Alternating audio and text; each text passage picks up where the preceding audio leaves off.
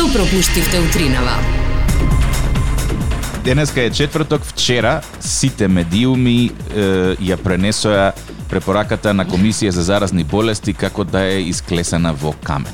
Комисија за заразни не е донесена. Таа е пратена до влада, ама владата ја нема потврдено. Комисија на заразни болести Зорке препорачува е, 58 часовен карантин за викендов. И јас јавно вака сега ќе прашам, па добро има ли пилот во авионов? Мислам, ако една недела веќе работат молови и кладилници и народ чека ред за да влезе во бутици, се групираат луѓе кои што никогаш не се виделе по, Ама по тие да места. Е, која е потребата да се воведе 58 часовен карантин за да се спречат луѓе да одат по гости поради е, религиозен, односно верски празник и поради продолжен викенд ден на просветители. Значи мене логиката ми е ако јас одам на гости, Ау, одам 24 мај е. одам на гости кај некој што го познавам.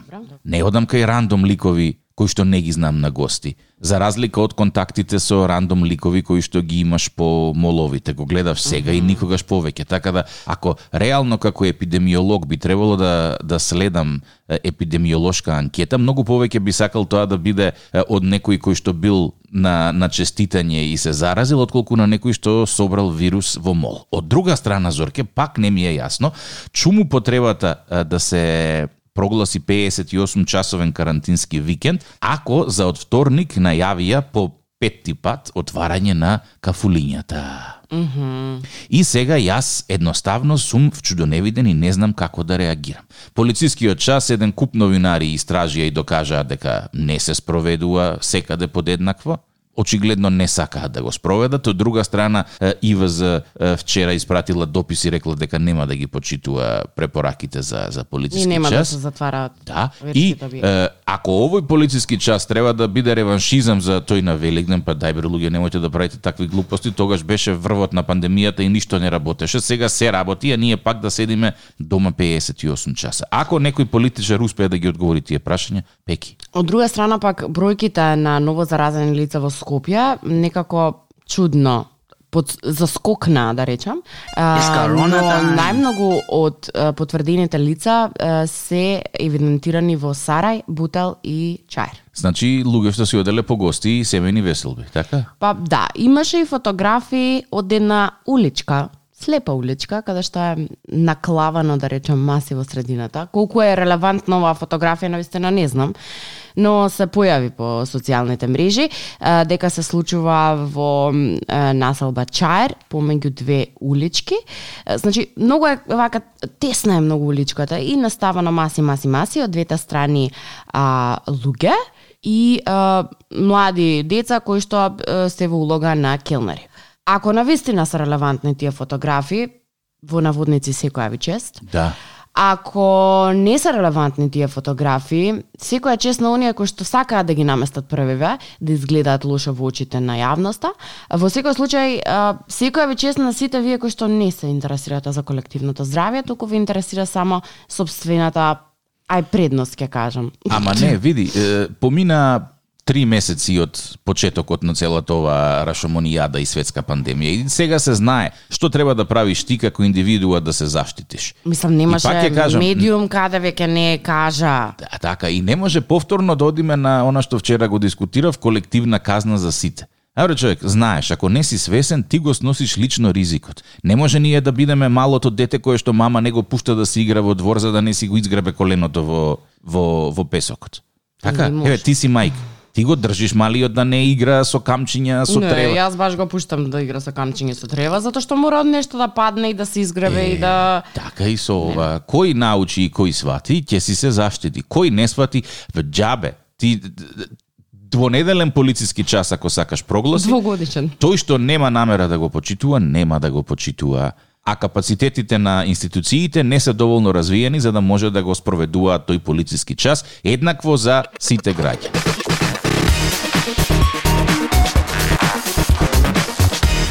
Девојчето што бараше каде да изнајмела вила и костуми за капење, ама на незиниот костум за капење да пишувало невеста, брајт. Не. А, видов, не, видов, видов, видов, видов, видов, видов, видов, Значи, да. поплава на денот и направи во коментари, дефинитивно. Ама одговорите беа многу посоодветни од прашањето, право да ти кажам. Не, нак беше одговорат века резервирате си во вила 8 септември, ќе ви дадат века скафандери, пошто вие сакате да бидете нели единствени, поразлични од другите, и на скафандрот века на твојот може да пишува неместа, нема проблем. Значи се смеев колега, па да не ти излажам вака кафе кој што пиев. Зорке, откако јас бев дете, пред 40 години, се вртеше муабет низ Скопје дека ќе се пушта булевар кој што ќе го пресече, односно ќе го премине Вардар и ќе ја спои Илинденска со Влај. Не верувам дека у мој живот ќе дочекам тоа да го видам, ама верувало или не, дочекав да видам нов паркинг на клинички центар. А, така си е во право си колега. Значи за е, паркингот на клинички нема кој не дозна. Сум нема врска дали те интересира или не те интересира за клинички, се дозна. А, многу ми, ми интересира а, како звучало тоа, на пример, еве, јас сум од PR агенција и сакам да го нели така да го доближам до народот, тоа што го направиле тие што ме изнајмиле, е, и се на еден фотограф. Ало, добар ден, добар ден. Вака, ме интересира за сликање колку земате? 100 евра. Кажа, Толку, да. А, аха, вака, сега јас имам малку нетипична желба, ама би сакала свадбени фотографии, меѓутоа за паркинг. А, а колку од тие фотографии сакате во шо- Photoshop да бидат обработени? А па сите, Можеме да им ставиме зелено светло, розево светло, црвено Можете? светло. Да. ама тоа ќе некој што веројатно плюс. По 100 евра од боја. А да не ви даваме 100 евра да ве пикнеме негде после тоа, тетка ти да ја пикнеме негде. На клиника? Да работи, да. Не. Шо знам. Абе тоа е за цел живот, што 100 евра ќе ги Ај, потрошиш. ќе се договори. Може, а? Може. Ама ако го сликам паркингот да немат коли, празен да биде. Уф, директоров само што се израдува, на сред паркинг се испаркира, што да му правиме? Викај след, Чекај малце да му се јавам, чекај. Абе, нека го мрдне нешто. Мислам, можам да замислам тоа како било. Секоја чест за, за сработеното, за тоа не не правам ни смешки ни драма. Меѓутоа бре, добро паркинг отворивте, значи во рете. Па тоа сликано од сите агли, па тоа снимано со дрон, па тоа од сите страни нешто фрштат некои зелени светла. Луѓе, паркинг е. И знаеш што е, Секоја Зорке? чест за сработеното, ама бидете малце скромни кога ќе направите нешто. Знаеш што е најинтересно во целата приказна? Кога ќе отидеш да се паркираш на тој паркинг, во реалноста ќе сватиш дека е најверојатно многу помал од тоа што изгледа на Тоа ти е сликите. исто како кога продаваат станови. Имаше една реклама пред некој ден. Вика, најдете го совршениот агол во вашиот дом. Стан од 38 квадрати. Кој агол па целиот стан мој агол, човече. Влегуваш и ова е совршениот агол. Значи толку имам во станот, разбираш? 38 квадрати 30. стан. И рекламата пронајдете го совршениот агол. Оф, Некој тука нешто не под зеза, ама... Да, ама види, јас сум спремен за такво подзезување бидејќи најавија дека ќе има избори, ако после карантинов Не, многу си сакам. купив е, и бидејќи ќе има е, како се вика ова е, нема да има митинзи туку ќе има кампања од врата до врата ќе одат нели од куки до куки да не во здрав мозок Добро. Е, јас е, си купив нешто е, секој кој што ќе дојде да ме посети ќе си добие по по едно такво на Facebook ќе го закачам Добро.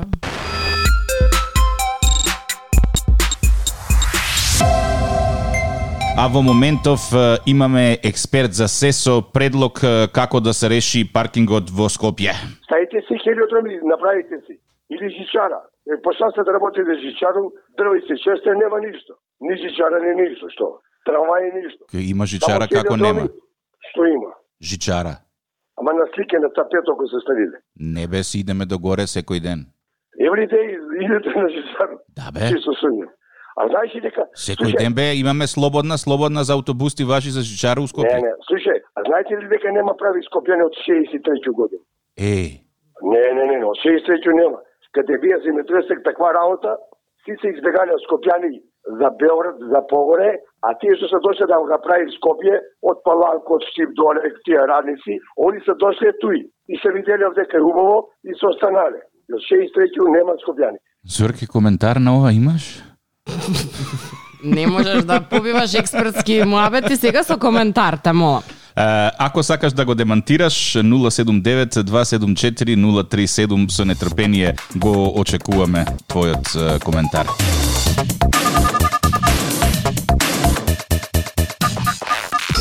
Морам да прочитам едно сообщение кое што пристигна Зорке, а ние како јавен сервис чувствувам за потреба да го пренесеме. Многу е важно. Да, од фудбалски клуб Македонија од село Враништа известување.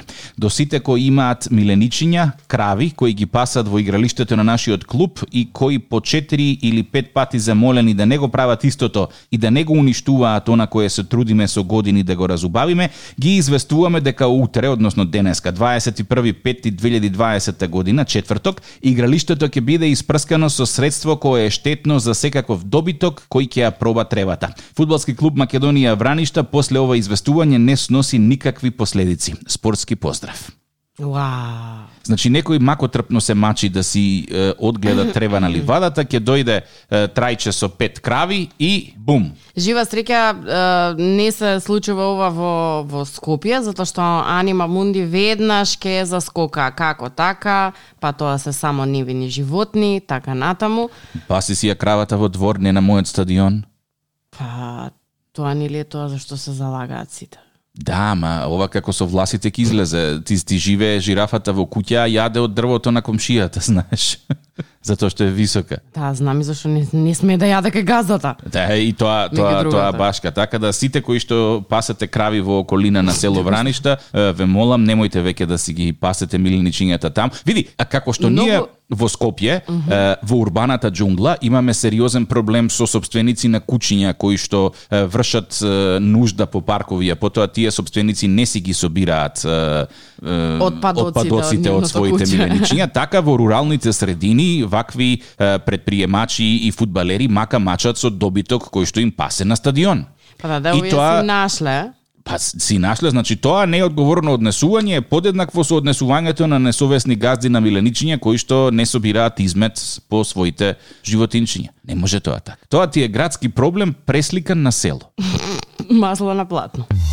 Тик-так и Зорка, facebook.com, коса црта Тик-так и Зорка, Instagram Тик-так и Зорка, телефон 079-274-037. Доколку сакаш да честиташ роден ден, пиши ни. Сите оние емисии кои што ги пропушташ во текот на утрото, можеш да ги слушаш и на slušaj.tiktakizorka.mk Кекел и Битлсизми. во врска со патувањето. Се вели Орман да фатиш да дај Господ. Тоа е село Скопско.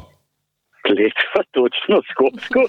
И море Орман фати да не те гледам и да не се враќаш. Тоа Е, спаѓа во желба. Е, Кекел, да ти кажам нешто, плац у Орман е 40 евра квадрат.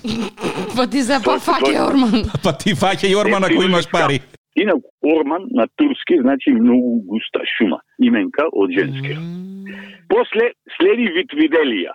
Како? Е многу Витвиделија. Витвиделија. То, не, со Д, ние со Т го велиме, Витвиделија. Бар јас така знам, тоа значи тој многу, ама пренајмногу далеко. Витвиделија, што се вели. Вели да, жал. да, да, да оиш, што велиме да оиш Витвиделија да фатиш и да те нема едно 10 години, разбра? И Пајтон ќе ти викнам ако треба, само замин. Тоа- Каде? Каде? Тоа е вид виделија, да кажеме, вид виделија е од битола да пратиш некој во прилеп, бидејќи е рамно до, до, до прилеп. Пошто тоа вид виделија до кај ти фаќа видот.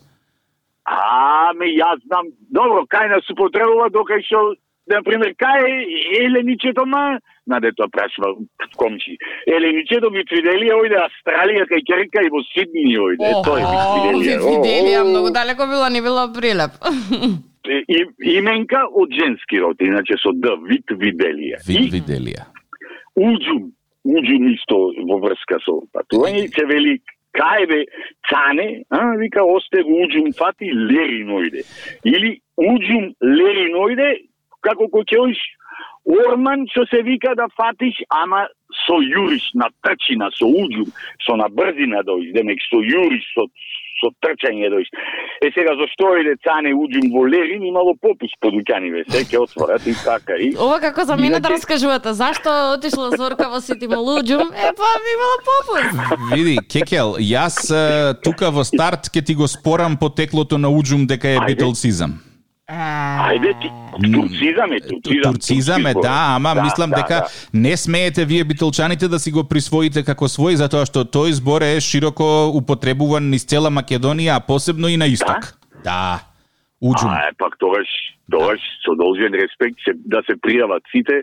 А, Изгорен сум некој да почне да кажува зборови да речеме од Евгелија Балтија. Ти знаеш што е Балтија со е, она, а? да речеме. Не. Знаете ли што е? Не. Секира, еден вид на секира, не секој, ама еден вид на секира. Бунела, да речеме Ау, бунела. Бунела знаете многу си? скоро го дознав, било вилушка. Да си жива и А. здрава. И Да се јави некој да кажи Струмички Гевгелиски, со Куманово не можам да се разбирам, ништо не разбирам. Јас исто Ама, така со овие струмица, ми треба некој што ќе преведува меѓу нас. Еми, да кажат, да ги иницирам четири години, да скажам, и тоа валјда, ќе му се смачи некој да каже, чекај и ние имаме нешто, некој збор друг и така да, да каже. Инаку, еден, еден вид со, со, со битолчаните, да завршуваме со се вели, скокал со падобран, некој битолчан. И Мгм. трга од главниот падобран јаѓето, не со Жоле, да идеш у програма со нас на тема гевгеличизми, стој на линија. А, има гевгеличизми. И имаме Гевгели, еј, ми исклучи пријателов од Гевгелија, што го барав за, за да гевгеличизми и вика, беге бе, каква програма? Јас да завршам, Имам јас човек да од Гевгелија, Кекел. Ајде, ајде после. Трга второто јаже за помошниот подобран, не се отвори, паја на земја. Бам! И долчана го. Станува се треси вака со прашина, се сам не го стреси, море, вика. Денки си извајме очите со ова падобраните. вика. Како ќе си... Ке го утри во. Толку. Преако. Чекај, имам нешто да те прашам. Зорка пред некој ден ми извади еден збор прилепцизам. Како беше тој? Ау, сега ќе ми текна. Тоа беше предмет на широка дискусија. Ја не знам. Не знам го, го Пишане негде ќе го барам по пораките на да, Facebook ама и треба да го најдеме сега како ме фати вака пан са сними текнува. Така вади Апа, Зорка од време на време нешто. Па вадам, јас сум растена од баба Прилепчанка, а Прилепи битола сам многу близко, така да мене ми се познати овие полуот зборове. Кекел, фала ти многу за битолцизмиве денеска. Ние се слушаме наредниот четврток.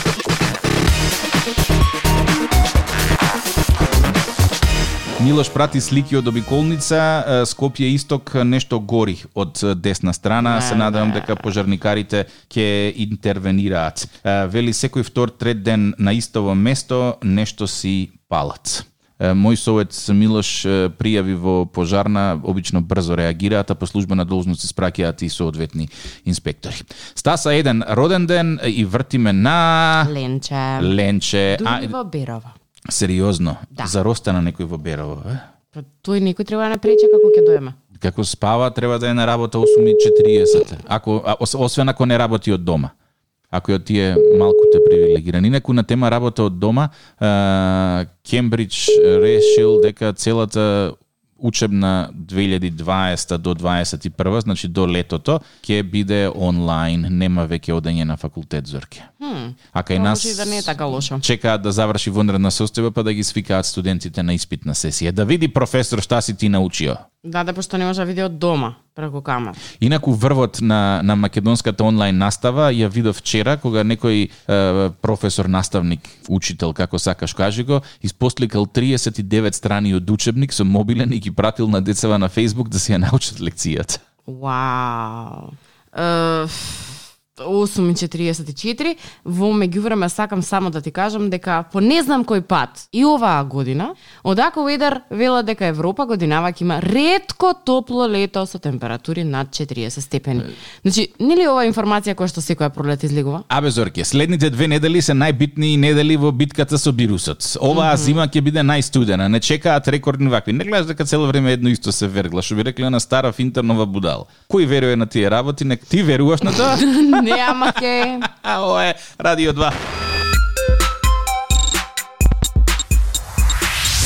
Одлуката дека најверојатно ќе одиме на море без корона тест и тоа во пет земји.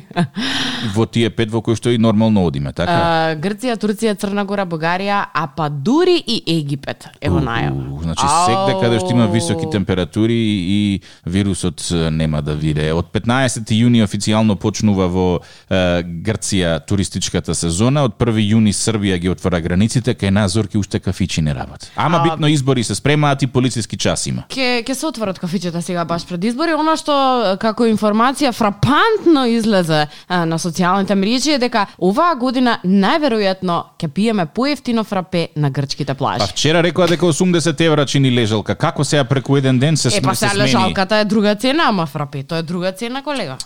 Не знаат. Приоритети, приоритети. Не Поприоритетно е да испиеш фрапе и да го сликнеш отколку да си на лежалка. Башка лежалката можеш да ја сликнеш во моментот кога а, тој што ја земал оди да се побања.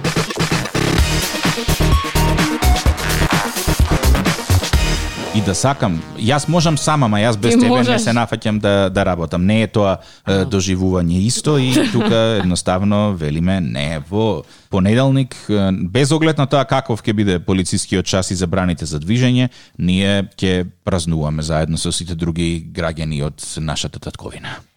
Колку поетски звучеше. Да, да, затоа и те оставив да си го докажеш затоа што гледам дека имаше со со некаков жар го го кажа тоа дека ќе празнуваме ние. Е, дојдено е барање од дирекција на Формула 1 к- паркингот на клинички да се вметне во календарот за трки.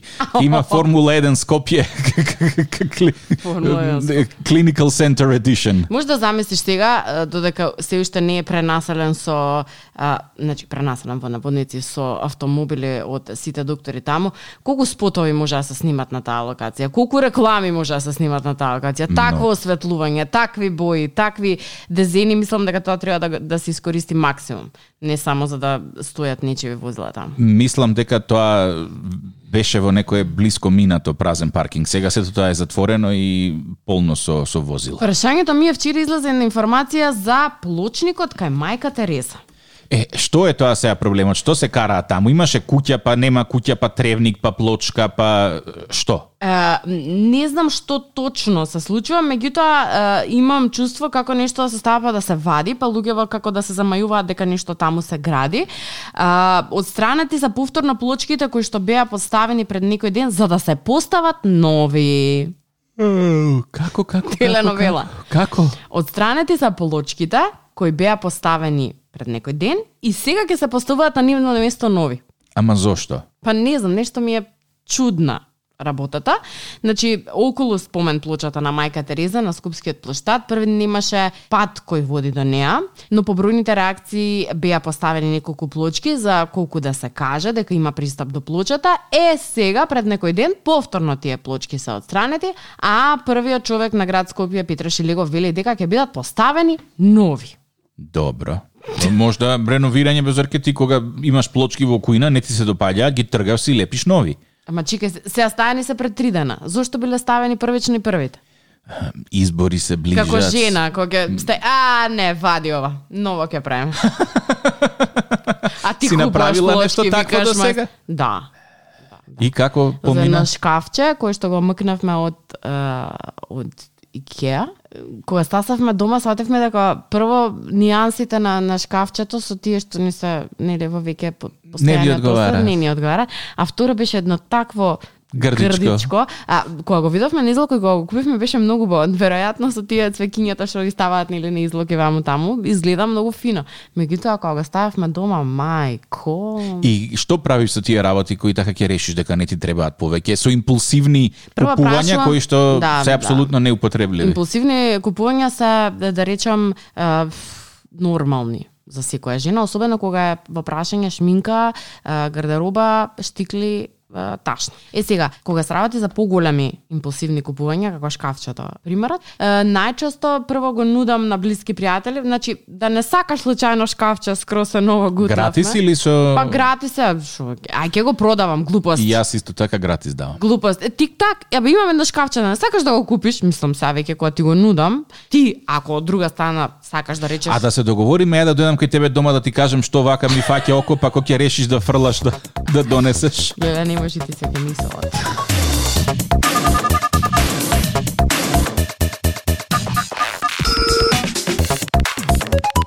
За посетување цела недела работат и молови и кладилници, има мерки за предпазливост кои што секој треба да ги почитува, ретко кој ги почитува, а никој не ги санкционира и групната казна некако наедноставна за споредување, сите под клуч.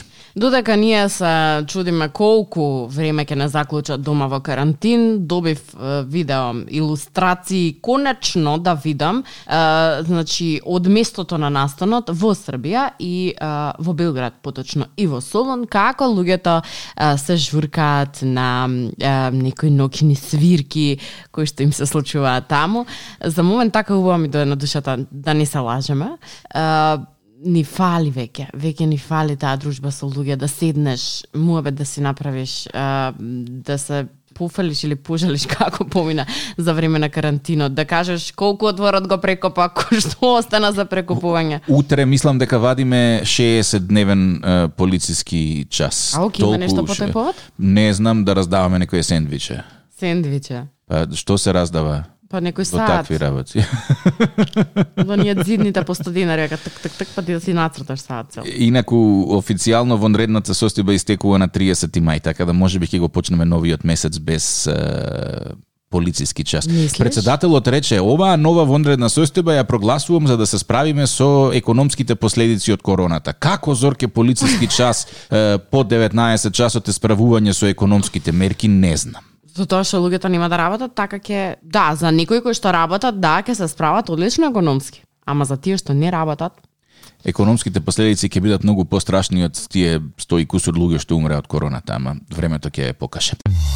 Тик-так и Зорка, facebook.com, коса црта Тик-так и Зорка, Instagram Тик-так и Зорка, телефон 079-274-037. Доколку сакаш да честиташ роден ден, пиши ни. Сите оние емисии кои што ги пропушташ во текот на утрото, можеш да ги слушаш и на слушај.тиктакизорка.мк.